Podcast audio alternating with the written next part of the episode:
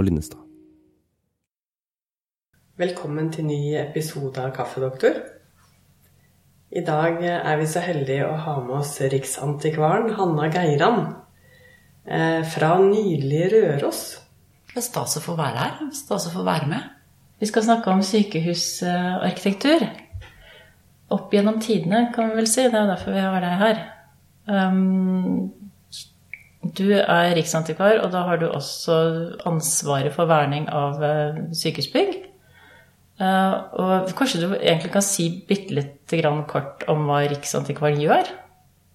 Ja, Riksantikvaren har jo det nasjonale ansvaret for kulturminner og kulturmiljø i Norge. Og det er nok kanskje mange som ikke kjenner så godt til at det er en del sykehus i Norge som har vern. Fordi sykehusene eh, har hatt en utrolig, spilt en utrolig stor rolle for utviklingen av Norge. Og er en veldig spennende historie. Altså utviklingen av den medisinske behandlingen, arkitekturen, hvordan vi tenker rundt det å være somatisk syk og psykiatrisk syk, det har jo utviklet seg utrolig og enormt. Og det er nesten ikke til å tro altså Når man ser bakover, så, så er det nesten ikke til å tro eh, hvordan man har tenkt rundt det å være syk. Både somatisk syk og psykiatrisk syk. Ja, For bygningene forteller vel mye om hvordan man har tenkt? Ja, det er akkurat det. At bygningene og anleggene, da, parkene også, sier jo noe om hva man trodde på, hva man trodde var sannheter. Hva, man, eh, hva som var det siste skriket i medisinsk forskning. Og også en god del om menneskesynet, altså hvordan man vurderte det å være syk. Så det har endret seg veldig, og, og eh, sykehusarkitekturen er på en måte et Norge, utviklingen av Norge i, innenfor et, et, felt som engasjerer mange. For det er klart alle er opptatt av Eller mange er opptatt av sykehus, fordi at eh, sykdom rammer, vil ramme oss alle på en eller annen måte. Eh, når du nevner det med at vi kan eh, på en måte se holdninger gjenspeilet i arkitekturen, da, eh, kan du gi noen eksempler på det? Eller sånn, hvis du tar en sånn grov skisme hvordan det har utviklet seg i Norge opp gjennom tidene? Ja, altså Sykehus er jo et relativt moderne begrep. Man har alltid prøvd å behandle sykdom, men har jo ikke visst hvordan man skulle gjøre det. Eller man, man trodde man visste det. Så så dette med å pleie syke, for det var det det handlet om, det handlet om å pleie syke, det handlet ikke om å helbrede i mange år. Det startet, eh, det startet med middel, altså det startet, Vi kan knytte det til middelalderbyene våre, altså bispe, bispestedene der biskopene holdt til. Eh, I Tunsberg, Stavanger, Hamar, eh, Oslo, altså middelalderbyene våre. Og da hadde man jo hospitaler. Da handlet, altså det handlet om pleie og omsorg. Og, og disse bygningene har jo ikke overlevd, men institusjonene har for en stor del overlevd. Og så hadde man jo et, den, den, en sped oppstart av et skal vi kalle det et moderne helsevesen, i hvert fall et helsevesen på 1600-tallet, særlig på 1700-tallet, da man fikk denne mystiske radesyken og bygget eh, hospitaler knyttet til det. Og det var, etter hva jeg har lest meg til, så er radesyken eh, noe som forsvant på 1840-tallet. Men det var, en, det var, den spede starten. Og så eh, hadde man jo en Eller det man trodde på og mente var riktig, var at sykdom smittet med luft, altså luftsmitte. Og miasmer. Så da man skulle anlegge Ullevål f.eks., eller det gamle Rikshospitalet Og Gaustad.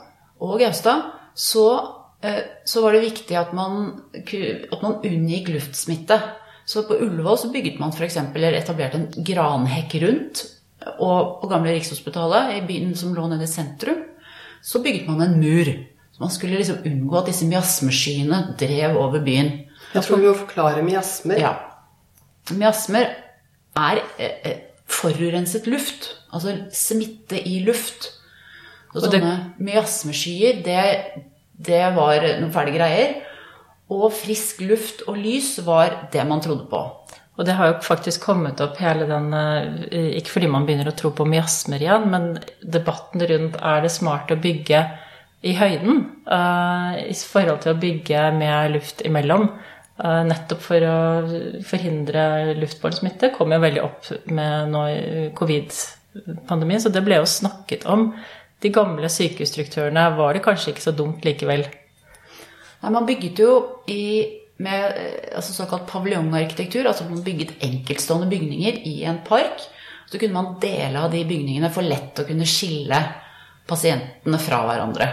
Det var jo mye av egentlig eh, strukturen verden over. Jeg tenker på også øyer med spedalske så det med å isolere syke har jo vært uh, utbredt. Ja, det har det nok. Og så hadde man en, denne troen på lys og luft. Så det var store vinduer. Du skulle lufte ut? Krokene med, disse mørke krokene med uh, smitte og fanteri skulle kunne luftes ut.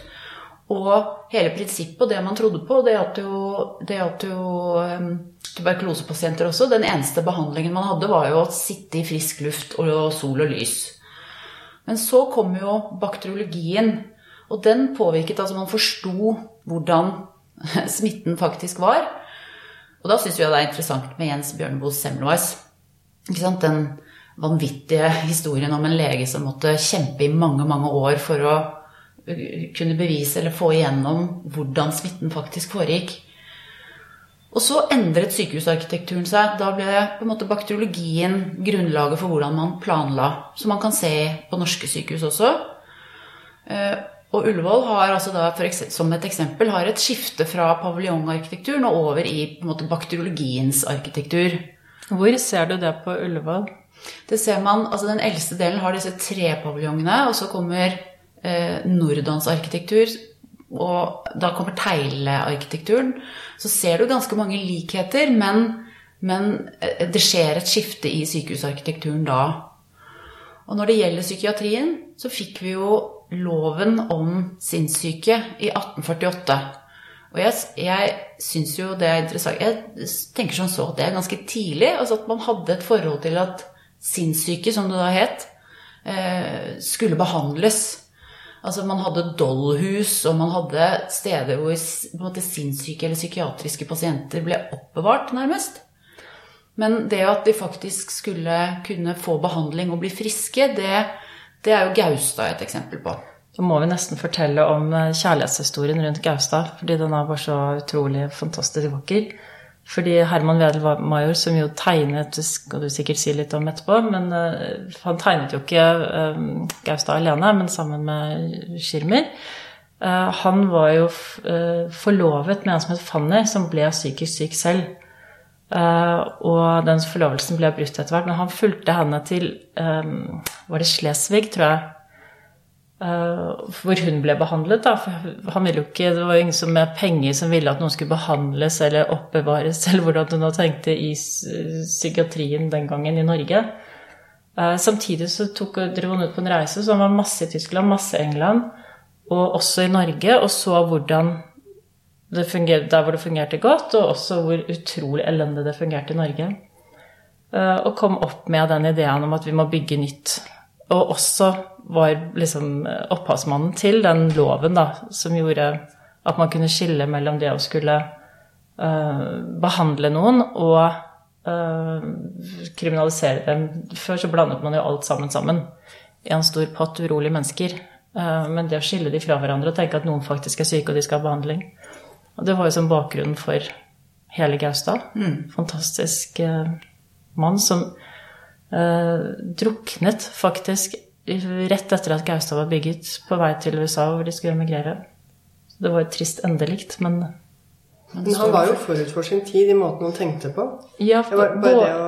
ja, jeg tenker sånn både i det at han hadde det humanistiske synet, og man kaller det vel også human uh, sykehusarkitektur, den som er på Gaustad. Og Det tror jeg Bare det der uh, ordtaket 'det hølet i gjerdet på Gaustad', det er helt merkelig begrep, for det har aldri vært gjerder på Gaustad. Nettopp fordi det skulle være humant.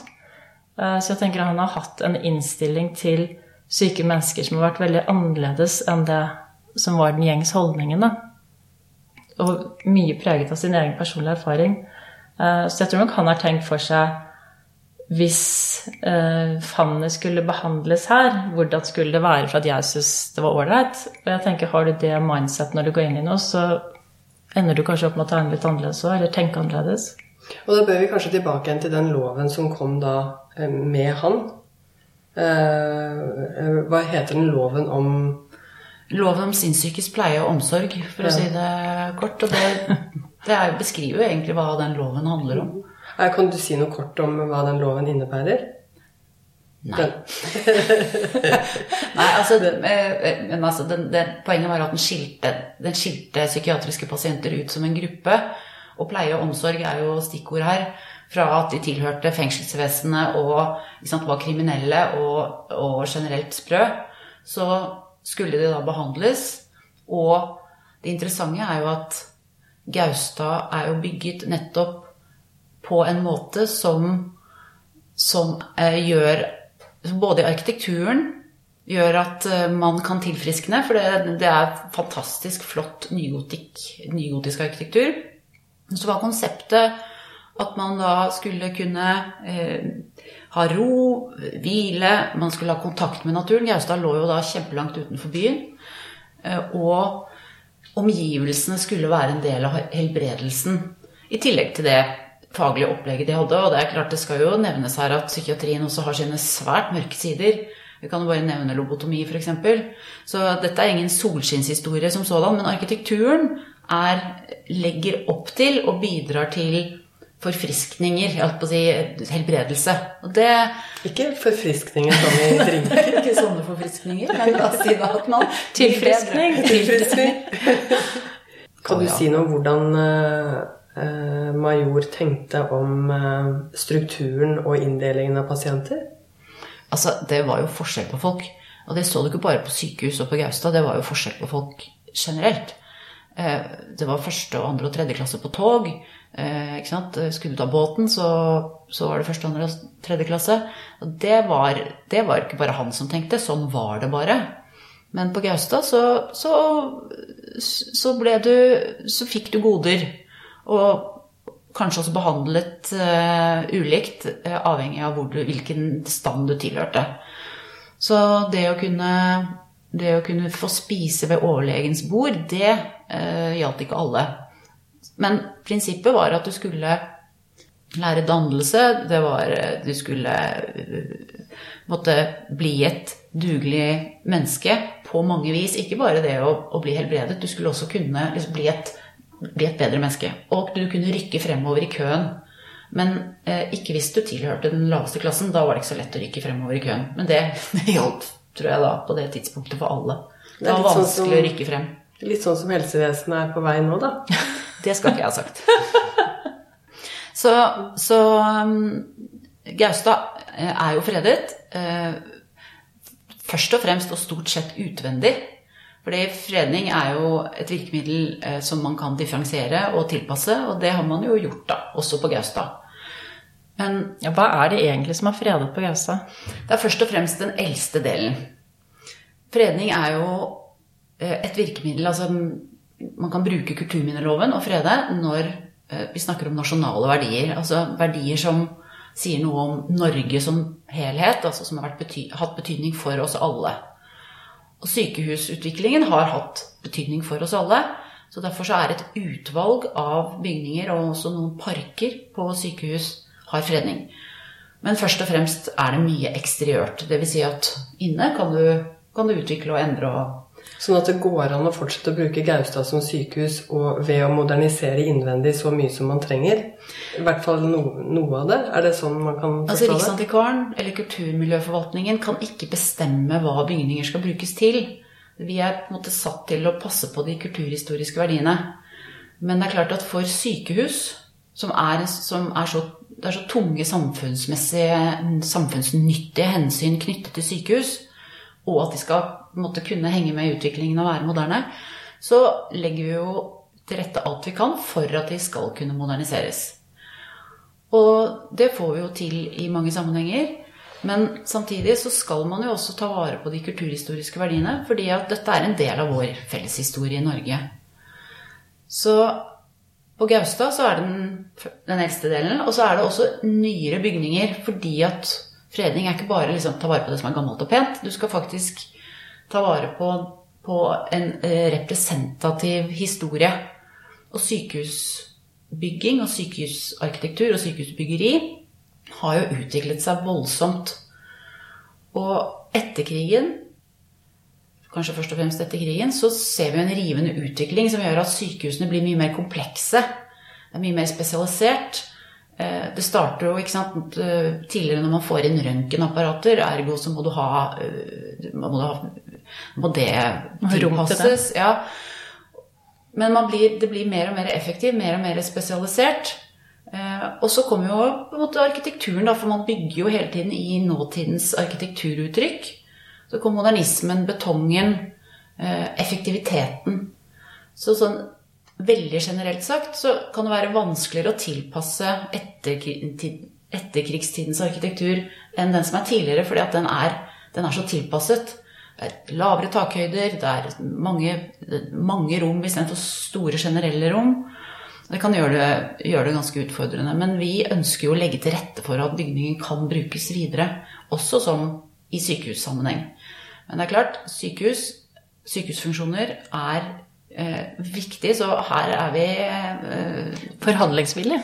ja, det, altså Vi ønsker jo å legge til rette for at det skal kunne brukes. Eh, Og, og det ser vi jo at vi kan få til, men noen ganger, noen ganger går det ikke.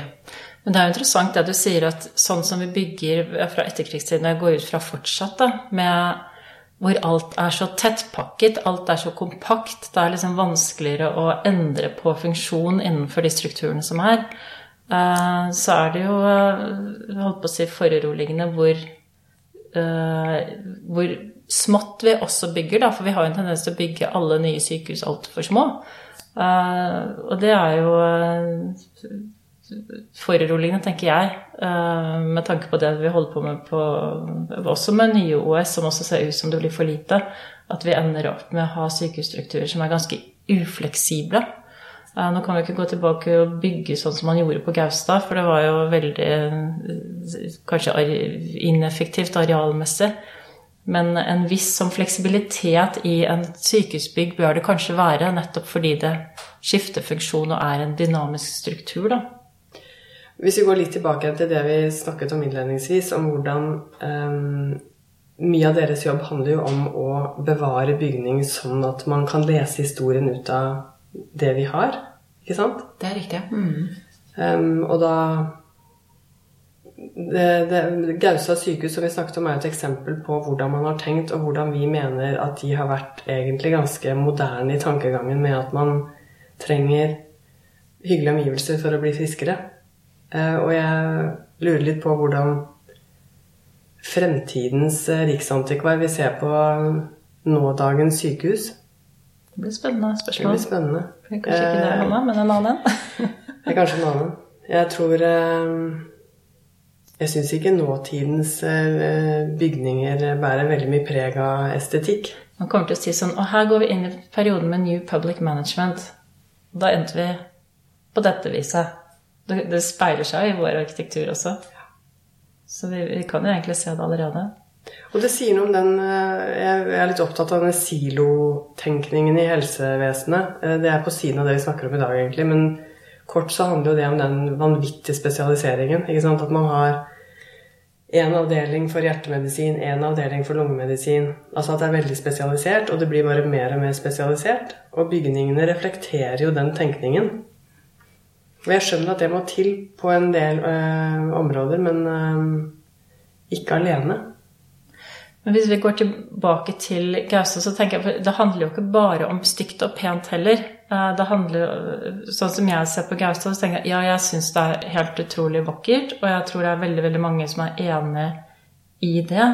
Men jeg skjønner jo også godt eh, myndighetene med sånn det å bygge etter at målsetningen er at det skal være vakkert, er jo ikke eh, nødvendigvis liksom det største målet. Men jeg tror det at Mayu tenkte funksjon fordi si, Det er vel ikke tilfeldig, men funksjonen eh, Det som skal til for å gi en god funksjon her, har jo tilfeldigvis også vært med på å gjøre det bygget vakkert. Mm. F.eks. hagene og de store lyse vinduene. og? Det, På et eller annet vis så tiltaler det oss, men da, for han var det også veldig funksjonelt. da. Det var ikke bare at 'Å, det syns jeg ser pent ut'. Men vakkert og funksjon kan jo være to sider av samme sak. Ja, og kanskje er det ofte det. Jeg vet ikke, det vet kanskje mer du som arkitekt, men uh, I hvert fall så, så er det jo Jeg tror hvis du hadde spurt Marius, så ville han jo sagt at ja, jeg ville, ville være pen, men han ville nok først og fremst ha snakket om funksjon. Og at den passet overens med hans syn på hva som skal til for å bli frisk. Men han snakket jo om eh, mm, vakre omgivelser Ja. som en del av funksjonen. Ja, men da har, han, da har han tenkt at det er viktig for å bli frisk. Og så kan du si vi har vært i en æra hvor man ikke har tenkt så mye på de tingene. Vi har tenkt at det er piller som skal til for å bli frisk, eller det er at man skal Ja, det, er- det er andre ting vi har tenkt er det som vi har lagt hovedvekten av behandlingen på. Og jeg tror det kanskje er en litt sånn øhm, Man er ved å snu litt og se at det er andre ting som kan eh, bidra i forhold til både trening, mer sånn mindfulness eh, og recovery-orientert tenkning som er annerledes da, eh, enn det som var innenfor psykisk helsevern for la oss si 30 år siden. Det er en ny tenkning rundt tilfriskning. Jeg mener du nevnte i forbindelse med Major, at, eller den loven på 1800-tallet, at en del av behandlingen var også arbeid. Ja. Og det gjaldt jo ikke bare, jo ikke bare helsevesenet, det gjaldt jo blant annet eh, for fengselen også. Altså at man skulle, man skulle jobbe. Det Så var dette- helse i det å jobbe. Dette er musikk i Navs ører. så er det jo ikke sant, eh, ja, trening, arbeidstrening, det å kunne bli et eh, menneske som kunne vende tilbake til samfunnet og være til gavn. Men det, det som også er et poeng her, er at sykehusarkitekturen eller sykehusplanlegging også går hånd i hånd med arkitekturutviklingen. Når modernismen kommer inn som den arkitektoniske retningen som dominerte eh, fra liksom 40-årene, 50-årene og fremover, så gjenspeiles jo det også i, i sykehusarkitekturen.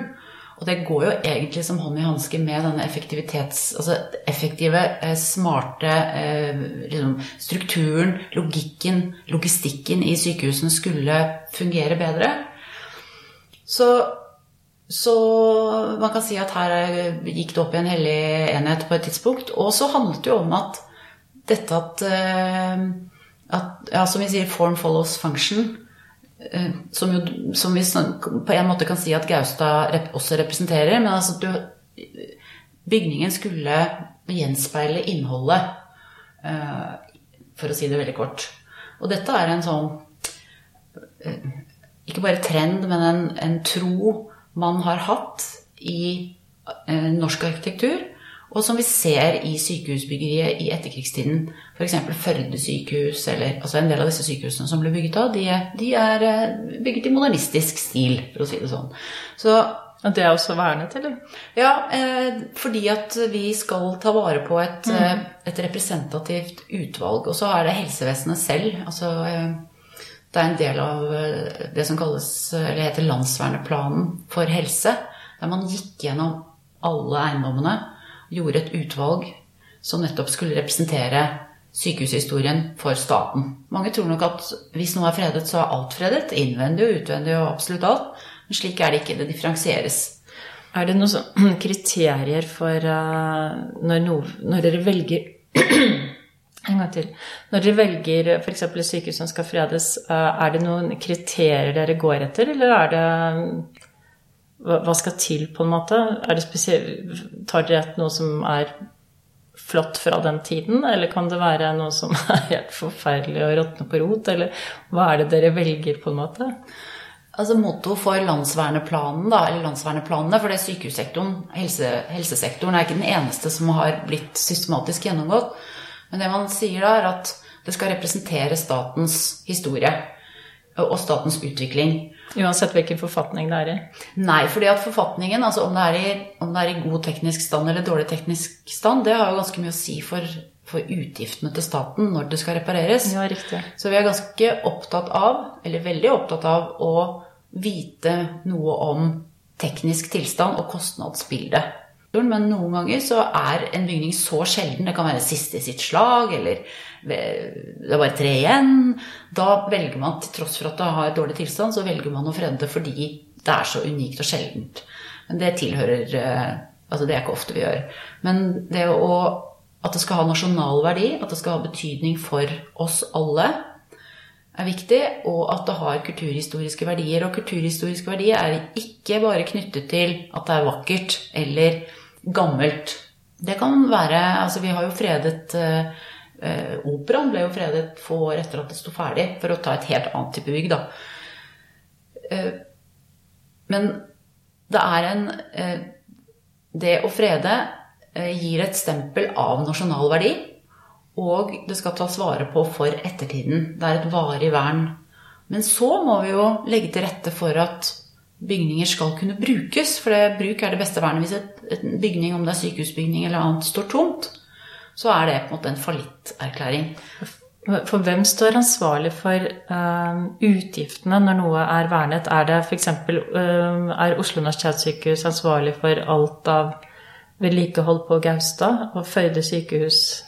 Hvis det er, hvis det er i statlig eie, så er det, så er det staten som, uh, som har ansvaret. Altså da er det det enkelte, f.eks. OUS, da. eh, Ja, Oslo universitetssykehus.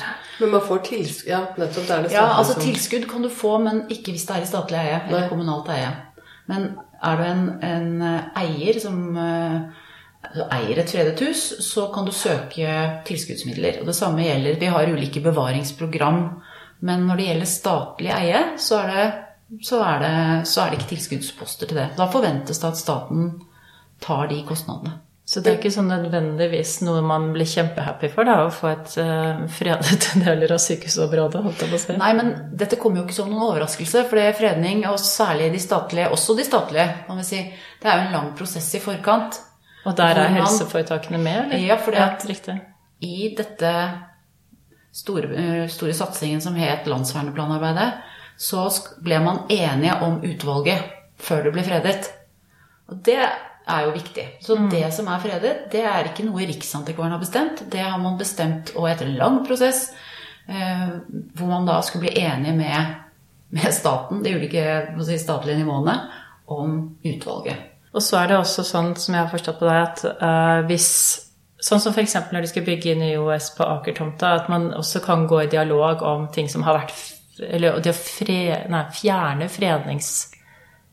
fredningsplakaten, holdt jeg på å si. Det går an å eh, tilbake Ja. Eh, altså oppheve fredning er jo. Altså Når man freder, så gjør man det jo med det utgangspunkt at det skal ha et varig vern for fremtiden. Og det er jo også derfor prosessen er så omfattende i forkant, fordi man skal vite ordentlig Altså det skal være ikke bare gjennomtenkt, men gjen, virkelig liksom gnagd på og gnasket på fra alle bauger og kanter. Eh, Men i noen tilfeller, og jeg vil si heldigvis få tilfeller, at det er få av dem, så må man gjøre en ny vurdering. Fordi at, fordi at det er så store og tunge samfunnsnyttige hensyn som kommer inn, at det ikke lar seg gjøre.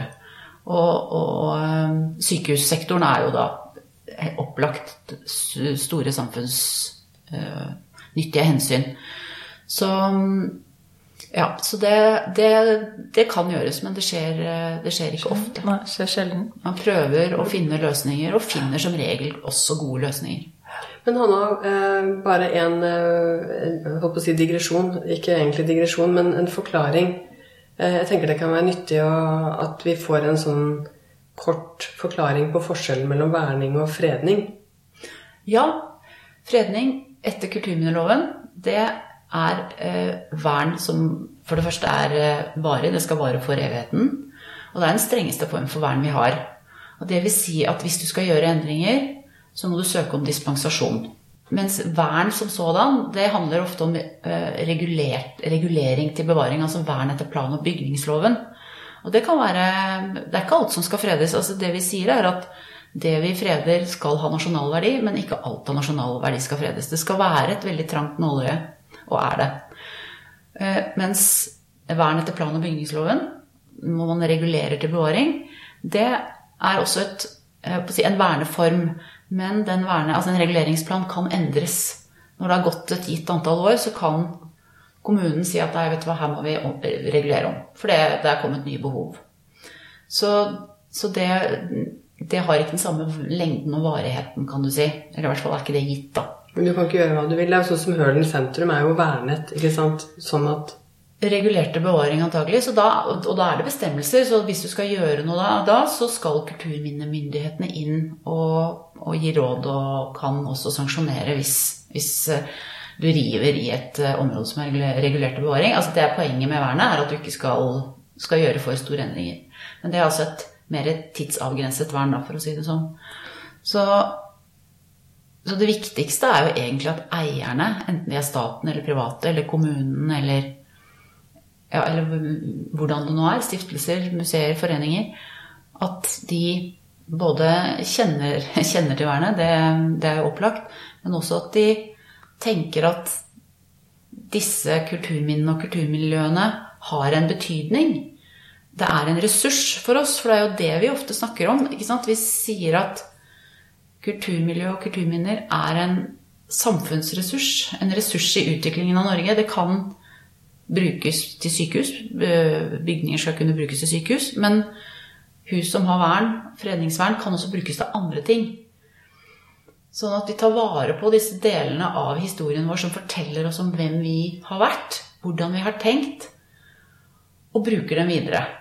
Men det er også kanskje viktig i forhold til det å bli minnet på rett og slett minnet på historie. For vi har en tendens til å tenke at utvikling alltid går fremover. Uh, og at vi på en måte er liksom i enden av en eller annen Vi er ved et eller annet endepunkt. Nå har vi endelig funnet ut, men vi har jo ikke det. ikke sant? Det, det går jo i sirkel, dette her. Og det spesielt, føler jeg, i forhold til Gaustad, det, det å se at de verdiene som lå i bygningen den gangen, blir tatt opp igjen nå som verdier.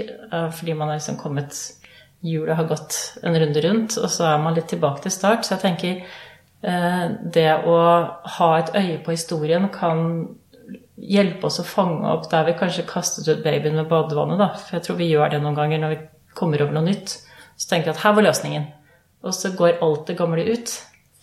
Men veldig ofte så viser det seg at sånn elementer av det du hadde tidligere, bør du ta med deg videre. Og også det at dette er en pågående prosess. Dette er, dette, er, en vedvarende tanke. Sånn som du sier, operaen er fredet, var ikke jeg klar over. Og det er jo eh, det å bli påminnet at dere også jobber med helt moderne bygninger for å bevare det vi holder på med nå. Ja, det er, jo, det er jo ganske interessant i seg selv, for greier man å se kvaliteten i sin samtid? Ofte gjør man ikke det. Man trenger en tidsavstand. Ofte så, så trengs det liksom 50-70 år før man ser Da har du fått tidsavstand nok til at du kunne, gjøre, tenke at å ja, dette var jo interessant, og dette var jo egentlig veldig flott. Og så er det i den, den 50-70-årsperioden hvor bygninger lever farlig. For da er de blitt umoderne, men de er ikke blitt gamle nok til å være interessante og pene og vakre også. Eh, men Hanna, du har vært og reist utallige steder i vårt ganske land og kikket på alle mulige typer institusjoner. Men er det noen sånn helserelaterte institusjoner du har vært på som har gjort inntrykk på deg, eller som du har syntes har vært spesielt spennende? Jeg syns jo f.eks. å se disse miasmetårnene på Ullevål og andre steder eh, er eh, utrolig interessant. For det er ikke så kjempelenge siden man faktisk trodde at det var det som skulle til for å bli frisk. At du har frisk luft. Og det er jo klart at det hjelper jo alltid med frisk luft, men det var det man hadde å ty til. At det var liksom hovedvåpenet? Det var hovedvåpenet. Og så ser man, så kommer det, sant, Rett etter at disse paviljongene på Ullevål er bygget, så skifter det, så er det et paradigmeskifte, så kommer bakteriologien. Og så er det noe helt annet eh, man tror på. Det, og det å tenke at man har plantet en granhekk rundt Ullevål sykehus for å, for å liksom holde disse eh, forurensede luftskyene inne, eller ikke, sant, ikke spre dem ut, det er jo en, det er jo en helt annen forståelse av vårt samfunn og hva vi tror på og helbreder. Og det er ikke så kjempelenge siden, og det syns jeg er interessant. Og så syns jeg også det er interessant med alle tuberkulosesanatoriene, som jo var en folkesykdom, fryktet folkesykdom, som ble bygget overalt i landet. Der også, Det å sitte på en veranda med dyner og, og få sol og luft var det eneste man hadde å holde, holde seg til. Så, så det å liksom se og forstå, eller i større grad kunne forstå den rivende utviklingen man har hatt i medisinen. Det ser man så godt når man besøker de ulike, eller ser de ulike helseinstitusjonene da, og helsebyggene. Og så, så, vet vi at dette her det fortsetter jo inn i fremtiden. Og nettopp det at, at uh, om ti år så er det vi holder på med nå, vil antagelig være avleggs. Det er i hvert fall til ettertanke. Mm. Og så syns jeg også det er et viktig poeng da, når jeg først har ordet, det er jo det at når vi har når vi har en klimakrise, og vi vet at det å bruke bygninger videre er det lureste vi gjør, fordi at klimagassutslipp, det er ikke sant, 40 av klimagassutslipp eh, er i byggebransjen på verdensbasis, så, så er også det et argument for å kunne bruke eh, bygninger videre. Og da er de gamle husene har mye for seg, fordi at de er bygget på en sånn måte at de kan transformeres til sykehusbruk eller annen bruk. Så her er det flere ting som eh, taler for det vi jobber med i kulturminneforvaltningen, da, som jo egentlig er sirkulær økonomi. Det er jo det vi har holdt på med i alle år. Reparere og bruke videre. Og, og det gjelder jo også i aller høyeste grad bygninger. Samtidig som sykehusbygninger må kunne være funksjonelle. Det er rett og slett eh, sånn det er. Hvis du skulle si litt mer, hvordan tenker du at kulturmiljøet har um, noe å si for oss utover det grønne skiftet? Hvis du skulle bredde det litt ut. Jeg, og vi mener jo at uh, kulturmiljøet representerer en ressurs på mange vis. Men det handler jo også om omgivelsene vi omgir oss med, jobber i, bor i, går i. Og at det å ha omgivelser som, som uh, både knytter deg til historien, men også representerer uh, noe varig, noe vakkert, noe spennende, at det kan berike og det ser vi bl.a. i, i byutvikling. Det at eh, flere og flere blir opptatt av å ta vare på de gamle historiske bymiljøene sine. Nettopp fordi det, det representerer en verdi på så mange vis. At det heldigvis er i ferd med å bli mer vanlig. Og det handler jo om FNs bærekraftsmål. altså dette å ha, dette å ha altså Både bidra til å få ned klimagassutslipp, men også, også eh, gode eh, levevilkår, gode omgivelser. Så ja, f.eks. når vi er her på Røros, da, som er en by som er blitt veldig godt bevart, og som, som folk både trives i, bor i, jobber i og reiser for å besøke, så, så er det jo en ressurs. Det, det, at Røros ser ut som det gjør, og er som det er, det, det er en, både en inntektskilde for kommunen og en til stor glede. eh, Og kanskje på en måte tilfriskning, kan man si, i ytterste konsekvens, da, for mange. Så heldigvis i Norge så har vi fantastiske kulturmiljøer. Masse. Det har jo pandemien Jeg tror mange har fått øynene opp for det under pandemien. Så, og vår historie er ulik alle andres her i landet. Vi, er, vi, har en helt annen historie. Vi har ikke hatt adel. Vi har ikke hatt vi har et slott. Vi har ikke mange herregårder. Men vi har veldig mange spor etter oss som, som representerer vår historie, og som er kjempeinteressant når man vet litt mer om det. Og også sykehus Sykehusarkitekturen er jo en del av dette, denne store og lange historien som er vår. Men eh, Hanna, det var jo eh, utrolig hyggelig å få lov til å ha denne praten med deg, og til og med her på Røros. Veldig hyggelig å bli invitert til denne fine podkasten. Men jeg har ikke fått kaffe. Nei, det skal du få. Og så skal vi eh, opp i Bergstadens Sir. Det er det vi skal. Opp i kirketårnet. Det gleder vi oss til så tenker jeg vi Jeg håper at de som har hørt på nå, har et uh, annet uh, bilde av hva vern og fredning er. Og hvorfor fredning og vern av uh, helseinstitusjoner er viktig. Og hvordan det fargelegger og sier noe om hvordan vi har tenkt og tenker. Hvilket verdisyn vi har hatt.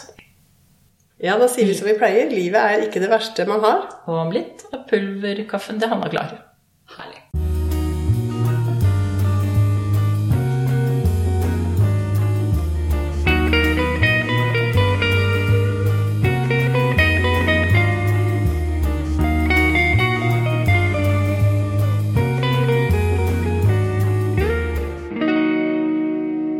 Kaffedoktor med Rom og Linnestad.